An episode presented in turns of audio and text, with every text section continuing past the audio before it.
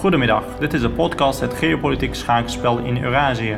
Mijn naam is Isa Yusubov en in deze podcast ga ik dieper in op de geopolitieke actualiteiten en ontwikkelingen op het grootste continent van onze wereld. Naast mijn werk als geopolitiek analist ben ik een extreem gepassioneerde schaker, zoals jullie misschien wel weten, mede door de schaakpuzzels die ik elke vrijdag op Twitter deel. Voor mij is geopolitiek een fascinerend schaakspel tussen de grootmachten op onze aarde. Maar wie van hen doet welke zet en waarom? Welk motief zit erachter? Hoe proberen ze de padstelling in de regio te doorbreken? Welke grootmacht heeft de beste papieren voor een schaakmat? Dit en meer in deze podcastreeks met Isa Yusibov. Leuk dat je luistert.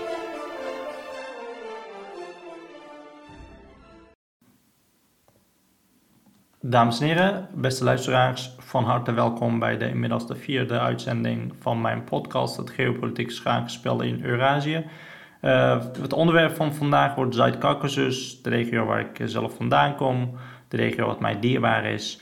Um, vorige week hebben we het gehad over uh, Centraal-Azië en in hoeverre de, de oorlog, de Russische invasie in Oekraïne, de betrekkingen tussen Rusland en, en Centraal-Aziatische landen op scherp had gezet en welke geopolitieke realiteit zich daar aan het ontwikkelen was en welke rol en welke geopolitieke strategie er weggelegd is voor, voor het Westen, voor de EU, voor, uh, voor de Amerikanen, maar ook voor Turkije. En uh, vandaag ga ik het hebben over de situatie in Zuid-Caucasus, vooral naar aanleiding van, van de oorlog in 2020 en de Nagorno-Karabakh-oorlog tussen Azerbeidzjan en Armenië. En ik ga vandaag vooral duiken in wat de Europese Unie nou daar wil bereiken en in hoeverre de oorlog in Oekraïne wederom eh, de, de verhoudingen in deze regio op scherp zet en in hoeverre er wederom mogelijkheden open liggen voor, voor de Europese Unie. En waarom specifiek de Europese Unie? Uh, net als in vele andere regio's, Centraal-Azië hebben we het al gehad, Balkan ga ik het nog behandelen, uh, is er ook in de Zuid-Caucasus een soort van sentiment te zien, een soort van ontwikkeling te zien, waarbij dus de afnemende geopolitieke invloed van Rusland en het machtsvacuum waarmee uh, de regio nu zit, wordt ingevuld door met name, of in ieder geval, daar worden pogingen gedaan door de Europese Unie om dat machtsvacuum uh, in te vullen. En er wordt bijgesprongen door, uh, door de Europese Unie. En onlangs heeft de Europese Unie ook besloten om uh, een soort van uh, haar eigen uh, vredesmissie naar de regio te sturen. Het wordt een monitoringsgroep van ongeveer 100 mensen. En die zullen zich dan vestigen aan de grens tussen de Armeense zijde van de grens met Azerbeidzjan. Om ervoor te zorgen dat de, dat de situatie niet verder escaleert. En deze gebeurtenis, die mij nog best belangrijk en ja, bijzonder is, geschiet ook tegen het licht van, uh, van meerdere onderhandelingen in de regio. E-, enerzijds tussen zeg maar, trilaterale onderhandelingen tussen Rusland, Azerbeidzjan en Armenië. Anderzijds uh, de betrekkingen, de diplomatieke betrekkingen die worden weer aangehaald tussen Turkije en Armenië, vooral na de aardbeving. Maar ook onderhandelingen, directe onderhandelingen tussen Azerbeidzjan en Armenië. Dus er is van alles gaande. En met name gezien het feit dat Rusland zich nu focust op de oorlog in Oekraïne, uh, lijkt er alsof er vanuit, vanuit Moskou, vanuit het Kremlin, een uh, afgenomen belangstelling is voor de regio. En de Europese Unie probeert uh, daar ook van, van te profiteren door zichzelf eigenlijk zo'n soort van op te werpen als, um, de, als een belangrijke mediator. Want er zijn afgelopen um, periode best wel veel ontmoetingen geweest tussen de EU-leiders met, met de leiders van Azerbeidzjan en Armenië tegelijk. En wat de Europese Unie eigenlijk wil bereiken is uh, met name uh, het indammen van, van de Russische uh, geopolitieke invloed in de regio, wat zichzelf al eigenlijk een beetje aan het voltooien is. Gezien, gezien de oorlog. En er komt dus een civiele waarnemingsmissie van de EU naar de regio. En wat het doel daarvan is, ik denk dat het vooral de risico's tot een minimum te beperken. Dat, daar is het voor bedoeld. Uh, ook al sluit het de mogelijkheid van een militair conflict aan de Armeens-Azerbeidjaanse grens niet uh, volledig uit. En wat, wat ook belangrijk is, want het is een soort van het ja, verlengstuk van, van de uh, waarnemingsmissie wat er al eerder zat. En dat is een soort van dus korte observatiemissie van de EU. die is dus verlengd, daar wil, daar, dat, dat bedoelde ik. En de monitoring die door, door, door de EU wordt gedaan, heeft in het verleden is nou, ervoor gezorgd dat daar geen escalatie heeft plaatsgevonden. Dus het, wat, je daarvoor wel zag hè, in november 2021 bijvoorbeeld en september 2022, dat daar een beetje uit de hand begon te lopen na de oorlog. En dat, je ziet dus dat de, de waarnemingsmissie van de EU het gelukt is om dat eigenlijk een beetje in te dammen. En dat is ook, ook tegen het licht van, van de statements van de president van Azerbeidzjan, dat het idee van uh, volgens Azerbeidzjan moet er een soort van corridor komen waarmee uh, Azerbeidzjan een directe verbinding krijgt met, uh, met Nakhchivan, autonome regio, wat ook van Azerbeidzjan is. Want ja, als je naar de kaart kijkt, dan, dan zie je dat het een soort van ja, heel dun lijntje is dat twee, die twee gebieden uh, met elkaar verbindt. En dat gaat uh, door, door Armenië. Azerbeidzjan zegt dus, en dat corridor heet dan Zangezur. Azerbeidzjan uh, zegt dat, dat corridor er kosten wat kost moet komen. En als er dan geweld moet, gebruikt moet worden, dat dat dan ook zal worden geïmplementeerd. In, in die zin is het ook belangrijk dat, dat de EU-waarnemingsmissie er komt en dat daarmee uh, eventuele angel uit een verdere escalatie uh, gehaald wordt. En ik denk dat het eerlijk gezegd ook bedoeld is om de binnenlandse politiek in Armenië een beetje tot bedaren te roepen. Uh, het zal een, in mijn ogen een stabiliserend effect hebben op de situatie van Pashinyan. En Pashinyan is nu al de geschiedenis ingegaan als um, de enige Armeense leider die de Nagorno-Karabakh-oorlog heeft, heeft verloren. Want tot, tot nu toe bestond er ook in de Armeense uh, publieke opinie. Hè, dat, is, dat is dan vooral gevoed door de vroege ex-presidenten. Dat uh, voor het Armeense leger in Nagorno-Karabakh, maar ook om de zeven volgens de VN bezette gebieden van Azerbeidzjan, dat ze daar echt zo krachtig waren dat ze, dat, dat ze die gebieden niet zouden kwijtraken. Daar is nu in 2020 een eind aangekomen na de bloedige oorlog. En en later is er ook een ja, bestand ondertekend tussen Rusland, Armenië en Azerbeidzjan. Maar goed, um, Pashinyan heeft dus, ja, geniet dus niet, uh, niet de beste populariteit, zullen we maar zeggen. Electoraal gezien heeft hij na de, na de oorlog wel, een, wel de verkiezingen gewonnen natuurlijk. Maar er is een interne onrust in Armenië. Ook in, in Nagorno-Karabakh zelf, waar de, waar de, etnische Armenen wonen, dat daar ook een beetje uh, ja, het idee heerst van dat Yerevan niet in staat is geweest om het nodige te doen. Uh, en die gebieden zijn nu terug uh, veroverd door, door Azerbeidzjan. En de opkomst van, van de mening in, in Armenië dat, dat Pashinyan niet in staat is om de veiligheid van zijn land te garanderen en daardoor een soort van uh, legitimiteitsprobleem krijgt, wat Rusland wel goed uitkomt. Ik denk dat, dat deze missie ervoor zal zorgen dat in ieder geval de escalatie aan de grens, grens uh, uh, afneemt. En dat het daardoor Poetin, of uh, Pashinyan, sorry, zichzelf ook een beetje verder opnieuw kan profileren als degene die de stabiliteit in de regio heeft kunnen waarborgen. Wat mij ook opvalt, gezien dat hele gebeuren rondom, rondom de corridor van Zangezur waar Azerbeidzjan het over heeft. Uh, ik denk dat de aanwezigheid van de EU-civiele missie in de regio ook een beetje bedoeld is om, um, om een militaire interventie van Iran uh, tegen te gaan. Het Iraanse regime beschouwt het corridor namelijk als een soort van, hey, als, vooral de statements vanuit Azerbeidzjan, dat de Zangezur-corridor koste wat kost van Azerbeidzjan moet zijn. Uh, Iran zegt, dit is eigenlijk um, een soort van gewelddadige interventie aan onze grenzen. En ook uh, hebben ze ook herhaaldelijk verklaard dat het dat niet zal aarzelen om deze zaak militair op te lossen, militair in te grijpen.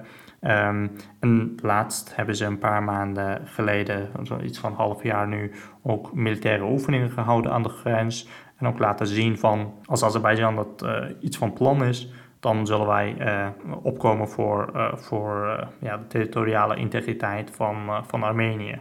Um, dus ik denk dat het Westen dit ook niet wil. Er is gewoon geen enkele interventie voornemens is. En dat deze missie ook, de aanwezigheid van deze missie Iran ook een beetje zal afschrikken om te interveneren.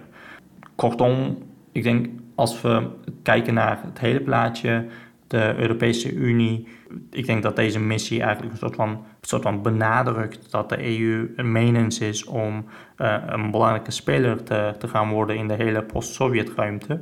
En uh, inclusief uh, dus deze regio, de zuidelijke, zuidelijke Caucasus. En dan ga, ga, wil ik het vooral hebben over hoe um, ja, de, betrokken actoren eigenlijk reageren op deze vredesmissie. En laten we het dan, uh, wat, uh, wat Azerbeidzjan daarvan vindt, wat Armenië daarvan vindt, heb ik ook een beetje besproken. Uh, maar ook vooral wat, wat uh, Rusland daarvan vindt. Azerbeidzjan heeft ook een beetje, um, laten we beginnen met Azerbeidzjan. Ik vond het wel interessant dat Aliyev vorig jaar, dat was ergens begin december, volgens mij 7 december, het af zegt om, um, om Pashinyan en Charles Michel in Brussel te ontmoeten. Uh, want ze hadden het ook in oktober uh, gepland. In oktober hadden ze elkaar ook in Praag gesproken. Naar aanleiding van de Praagse Europese top. Zeg maar, waar heel veel landen bij elkaar waren gekomen. Ik denk van wat ik lees in de, in de Azeri media dat Baku niet blij is met, met de, deze waarnemingsmissie van een periode van twee jaar. Aliyev beschouwt dus als een soort van uh, schending van de, van de akkoorden die ze in Praag hadden gesloten. Want hij zegt nu eigenlijk, uh, wij hadden toen afgesproken dat deze missie korte duur zou zijn en uit 40 mensen zou bestaan. Dat, dat was al zo. en de termijn van de missie op 19 december uit mijn hoofd zou moeten eindigen. Aliyev zegt dat de Europese Unie Azerbeidzjan bedrogen heeft door nu die, die missie uh, te verlengen en vooral ook te verhogen, hè, numeriek gezien. Dus, uh, en dat is volgens Baku gebeurd zonder toestemming van, van Azerbeidzjan. En daar is Azerbeidzjan het niet mee eens. Uh, waarom is Baku uh, niet eens met, met, het met, het besluit van de Europese Unie om uh, hiermee verder te gaan?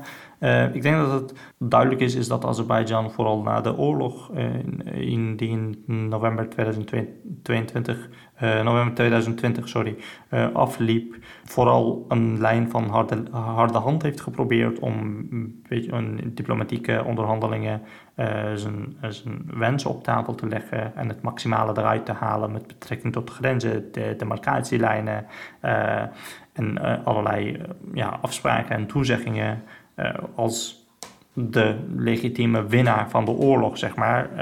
dus daar, daar heeft Baku zichzelf ook een beetje geprofileerd als een land wat um, de nodige eisen mag en kan gaan stellen. En dus en, deze, het dicteren van, van die eisen uh, hield ook in dat Aliyev op een gegeven moment zei, en ik denk niet dat hij blufte op dat moment, dat als Armenië het niet uh, vrijwillig uh, wil, dan zal Azerbeidzjan de, de, Zangezur-corridor desnoods met geweld implementeren. En um, dat daarmee ging jij ook een beetje de strijd aan met, met Iran om, omdat, wat ik al zei, Iran daar ook, uh, ook tegen is. Opvallende is, is dat Rusland historisch en cultureel gezien ook een beetje bondgenoot en geopolitiek gezien van Armenië heeft niet geprobeerd om uh, Baku hier uh, vanaf te laten wijken. Ik denk vooral omdat Rusland, het, het in Ruslands belang is dat de gecontroleerde spanning tussen Azerbeidzjan en Armenië voortgezet wordt.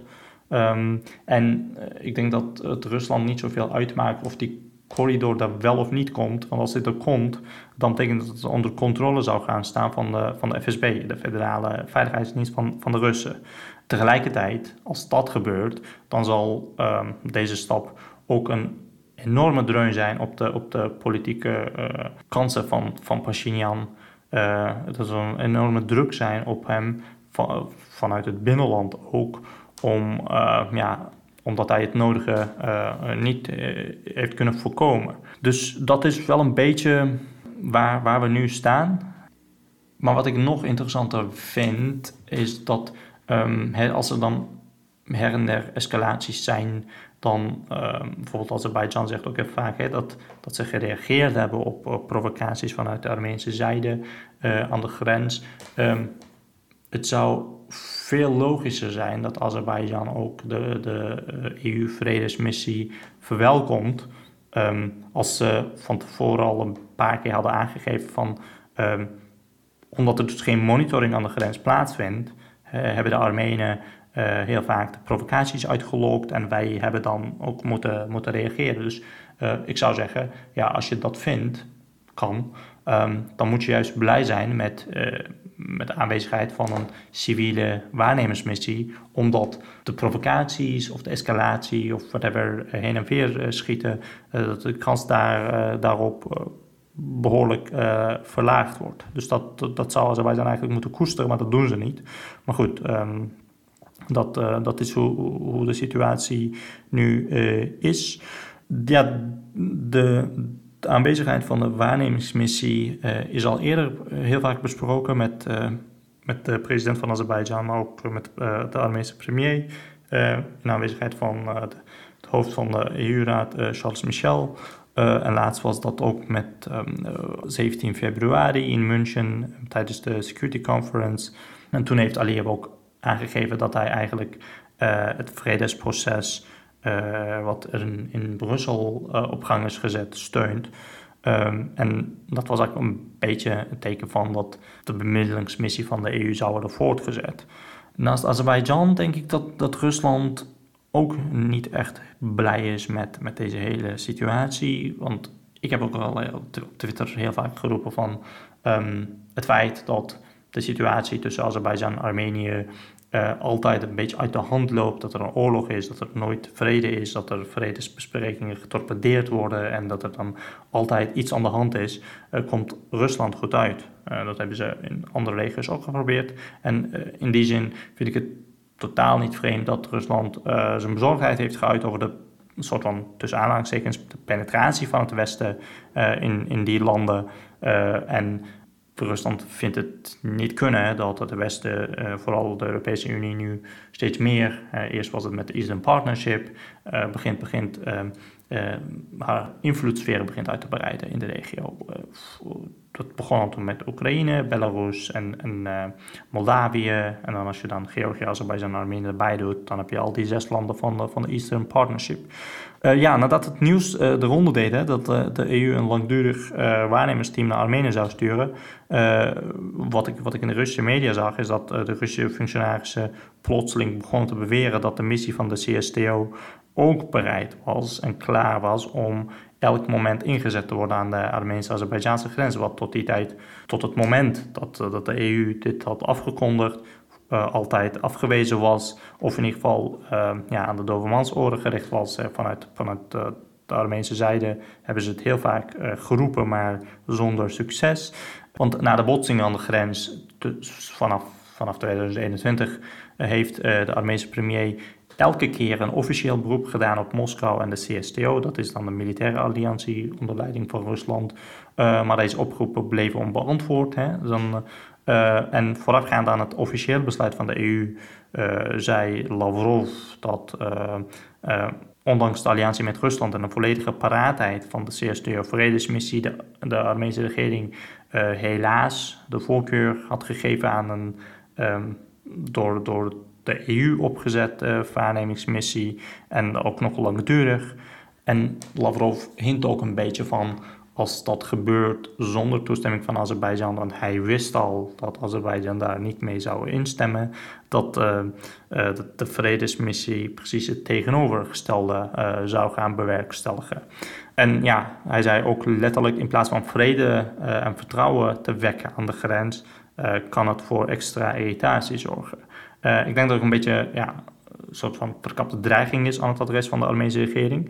Uh, en dat, hij is niet de enige. De voorzitter van de, van de, van de Russische Duma, Volodin, uh, zei het ook. En toen hij in, in Baku was in begin februari, tot nu toe geen enkel conflict is opgelost met de hulp van, of met, met de inmenging van de Europese instellingen. En hij zei, ik vertaal, wie vrede wil, moet wegblijven van deze quasi-organisaties en duidelijk begrijpen dat hun betrokkenheid de situatie zal verergeren, nieuwe conflicten zal creëren, nieuwe problemen zal op, aanrichten.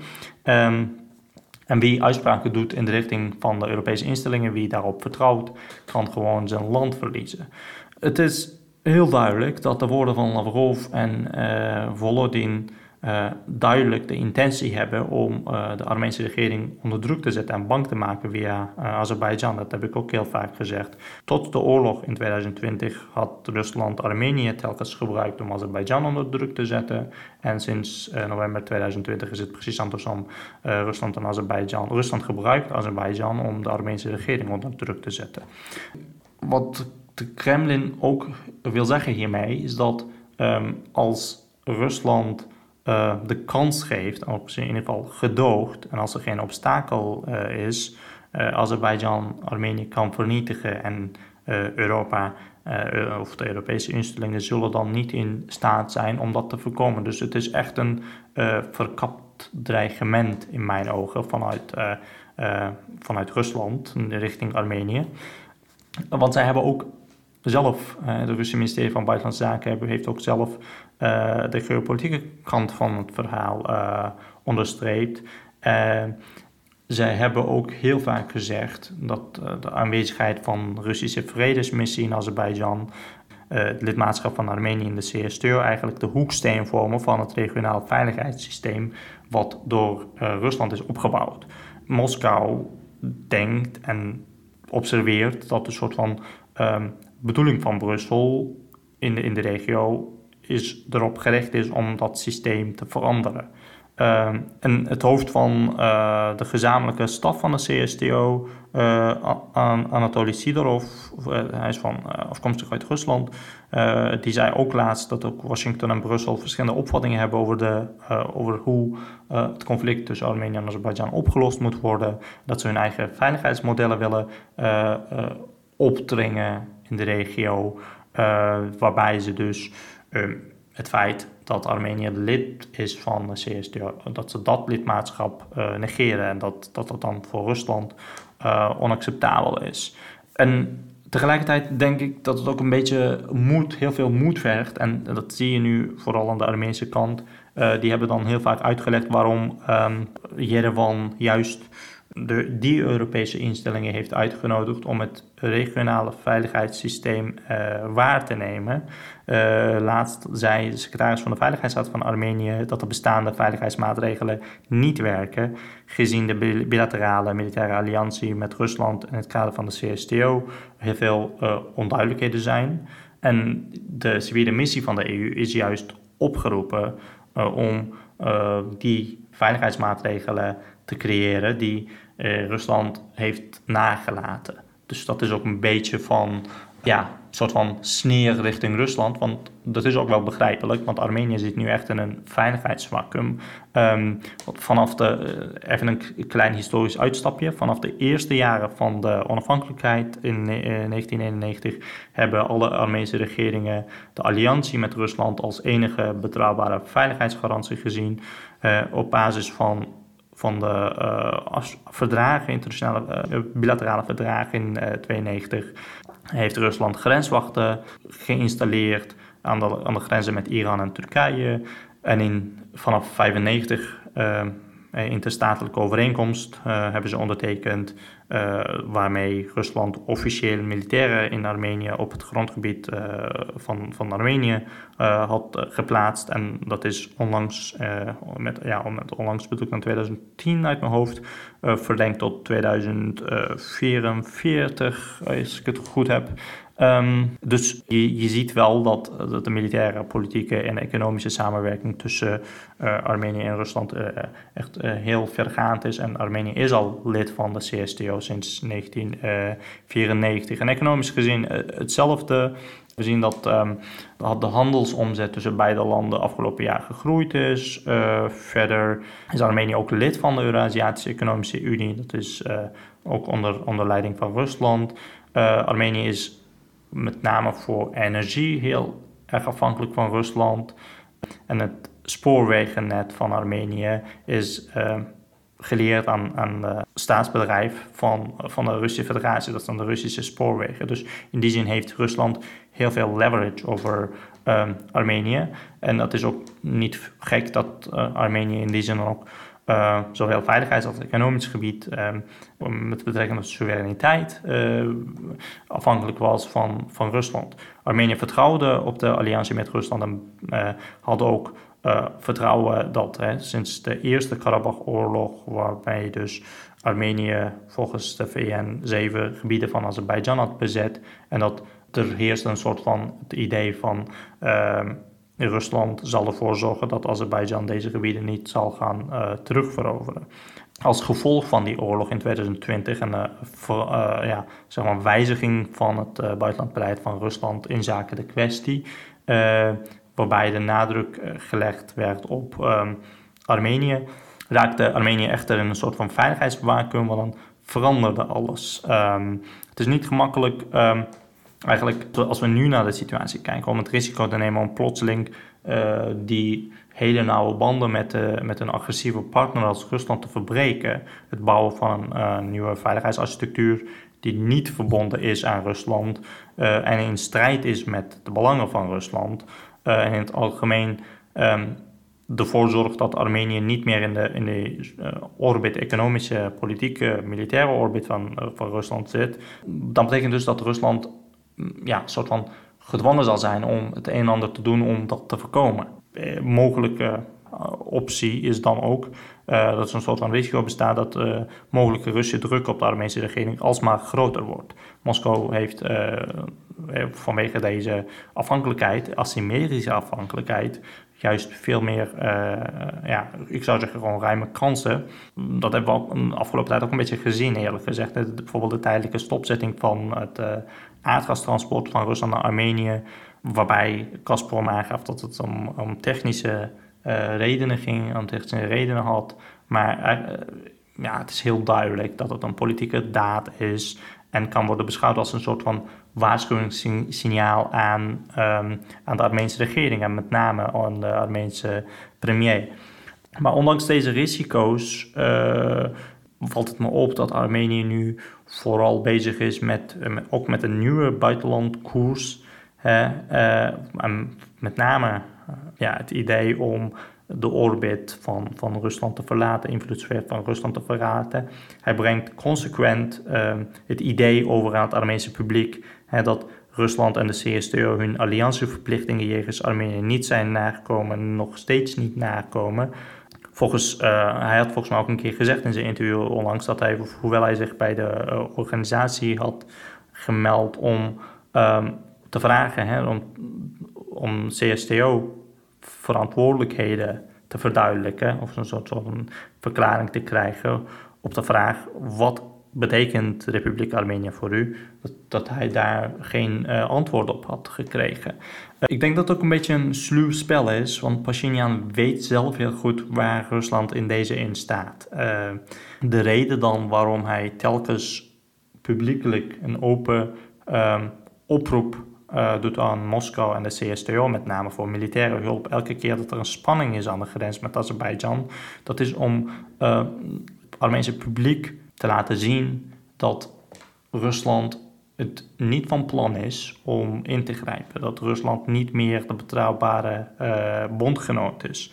En dat werkt ook, want dit alles ondermijnt eigenlijk de invloed van Rusland in, in Armenië en creëert een soort van, ik zou zeggen, best wel een vruchtbare voedingsbodem voor het iets wat voorzichtigere pro-westerse beleid. Uh, uh, strategieën van, uh, van de regering. Hè. Te, tegelijkertijd denk ik dat het ook een beetje een rol speelt bij het ontwapenen van de pro-Russische oppositie in Armenië in ideologisch en politiek opzicht. En dan kan hij, als hij dan kritiek krijgt van de pro-Russische oppositie, dan kan hij dan zeggen van ja, maar als ik dan oproep doe aan Moskou, dan komt, komt Moskou niet te hulp. Um, dus in die zin, ja, wat je dus ziet concluderen is dat aan de ene kant probeert Moskou de Armeense regering te straffen uh, door ja, een soort van alliantie aan te gaan met Azerbeidzjan of dingen te gedogen die Azerbeidzjan doet, zoals laatst met, met de Lachin-corridor, de blokkade en dergelijke. Ehm, terwijl het juist de verantwoordelijkheid van Rusland is om dat niet toe te laten. Aan de andere kant zie je ook dat dat is ook een beetje verbonden met, met de politieke druk die Rusland op Pashinyan wil uitoefenen.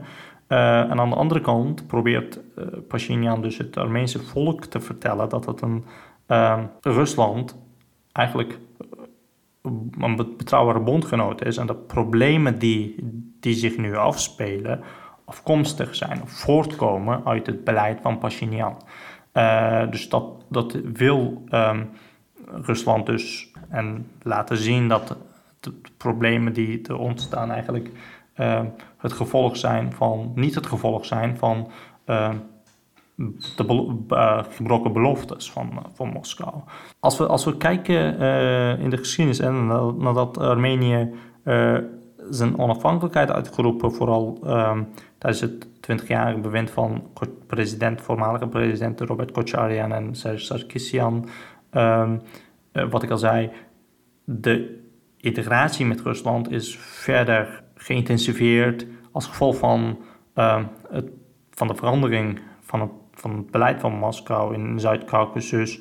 Uh, kwam de Armeense regering echter achter dat de betrekkingen met Rusland niet gelijkwaardig zijn, zeker niet symmetrisch zijn, en dat, het, dat de bondgenootschap eigenlijk um, geopolitieke belangen van Armenië niet meer dient. Uh, ik vraag me af of dat ooit zo is geweest. Uh, men is tot, tot het besef gekomen dat afhankelijkheid van Rusland volledig eenzijdige rol heeft. En Armenië is die zin op zoek gegaan naar andere alternatieve veiligheidsgaranties. Uh, het is een, best wel een langdurig proces en uh, vraagt natuurlijk om, ik zou zeggen, een gericht beleid. En uh, je ziet ook wel dat, dat de Armeense regering dan ook met name kijkt naar Turkije, maar ook de Amerikanen vooral. En met name de, de aanwezigheid van de Europese EU-missie hierin een belangrijke rol speelt. Um, en hoewel de, hoewel de waarnemingsmissie um, niet echt een solide veiligheidsgarantie voor Armenië is, is het wel een van de tijdelijke oplossingen op dit gebied. Want dat, wat ik al in het begin zei, uh, verkleint de kansen op verdere escalatie, uh, die, die, aanwezigheid van 100 uh, eh, waarnemers. Armenië heeft, wat ik ook al aangaf, de afgelopen tijd enorme stappen gezet om juist die afhankelijkheid, de afhankelijkheid van, van Rusland te verminderen. Juist terwijl Azerbeidzjan steeds afhankelijker is gaan worden van, van Rusland, zelfs na de oorlog. En bijvoorbeeld de stappen die zijn gezet om betrekkingen met Turkije aan te knopen, uh, zijn ook bedoeld als een soort van alternatief voor Rusland. Uh, het verbeteren van de veiligheidssituatie. Want als je dan goede betrekking hebt met, met Turkije hebt, dan betekent dus dat uh, zeg maar oude uh, chaotische betrekkingen, uh, vijandigheden dan opzij geschoven kunnen worden. En Turkije en Armenië hebben nu ook um, cargovluchten weer toegelaten. Hè. er zijn nu directe cargovluchten heen en weer. passagiersvluchten kunnen weer. en er wordt nu ook zelfs gesproken van openen van, van de grenzen. en dat komt geleid op het buitenlandbeleid van Armenië uh, Yerevan heel goed uit. Ja, het is eigenlijk nog te vroeg om te praten over ja, nieuwe situatie. Dat, het afscheid van, van Armenië van Rusland, dat gaat uh, de komende periode nog door. Maar het zal nog jaren duren voordat het helemaal uh, gekristalliseerd is. Maar zelfs als de alliantierelaties uh, ja, op papier worden voortgezet, zijn ze eigenlijk in feite uh, in de crisisfase beland. Hè. Dat, dat heb ik ook een beetje besproken, dat Armenië, of in ieder geval Rusland, niet te hulp schiet. Uh, en uh, de regering in Armenië nu vooral het idee heeft dat de afhankelijkheid, of in ieder geval bondgenootschap tussen beide landen, vooral eenzijdig is en met name de belangen van Rusland dient. En ja, daarin is ook belangrijk, zeker niet als laatste, dat veel Armeniërs uh, Rusland niet meer zien als een bondgenoot, maar als een bedreiging voor de nationale belangen of misschien voor de existentie van uh, Armenië als land. Ik denk dat dat een beetje overtroffen is. De publieke opinie is daar in ieder geval heel duidelijk over. Rusland is geen betrouwbare bondgenoot meer en dat, um, creëert ook wel kansen voor de stabiliteit in de regio. Uh, als Rusland zijn invloed verliest in Armenië, betekent dus dat het in de nabije toekomst heel belangrijke, heel duidelijke geostrategische gevolgen zal hebben, zoals tektonische bewegingen uh, te werkstelligen. Um, en dat zal ook gevolgen hebben voor uh, de onderhandelingen tussen uh, met, met Azerbeidzjan, maar ook met Turkije, maar ook zeg maar, het nieuwe, nieuwe veiligheidssysteem in Zuid-Caucasus. Ja, moral of the story is eigenlijk dat de aanwezigheid van een, Russische geopolitieke invloed in niet alleen in Zuid-Caucasus, maar vorige keer ook besproken in Centraal-Azië, vooral een indicator is van instabiliteit en uh, instabiliteit in de hand werkt. En naar aanleiding van, van de Russische invasie in Oekraïne en naar aanleiding van afnemende geopolitieke invloed van Rusland, um, de Zuid-Caucasus zelf een enorme ja, verandering tegemoet gaat. Het machtsvacuum wat door Rusland daar wordt achtergelaten, wat steeds zichtbaar wordt, gelukkig op lange termijn uh, gevuld kan worden door het Westen, door de Europese Unie. Uh, want ik heb het ook al heel vaak gezegd, de aanwezigheid van Rusland, uh, de aanwezigheid van de Russische geopolitieke invloed in de regio, is altijd de belangrijkste reden geweest voor instabiliteit en vijandelijkheden. En als dat wegvalt, dan uh, gaat de regio stabieler worden. En ik denk dat het dan ook uh, veel meer kansen komen voor uh, vrede en democratisering en welvaart. En ja, ik zou zeggen dat conflicten vermeden worden en dat de regio eindelijk beseft dat de enige weg vooruit eigenlijk de weg van samenwerking is. En ik denk dat daarom betrokkenheid van de Europese Unie, betrokkenheid van Amerika, maar ook zeker van Turkije uh, hierin een belangrijke rol uh, zal gaan spelen. Dus, uh, maar goed, eh, we zijn nu in een positie, zijn in een fase dat, dat we echt in een soort van zoekzwang zijn beland. welke zet Europa nu ook doet, de Europese Unie, als ze zich verder meer gaan bemoeien met de regio, dan zal Rusland dat niet accepteren. Maar als ze dat minder gaan doen, dan uh, zal Rusland het hier uh, in de regio voor het zeggen hebben. En dat uh, komt de belangen van de Europese Unie, nog de belangen van de landen in de regio, niet goed uit. dus voor de vrede en veiligheid in de regio is het heel belangrijk dat de geopolitieke invloed van Rusland wordt ingedampt. En de enige actor die dat kan doen en dat moet doen, is de Europese Unie. on that note denk ik dat dat we aan het einde gekomen van, uh, zijn van, van deze uitzending.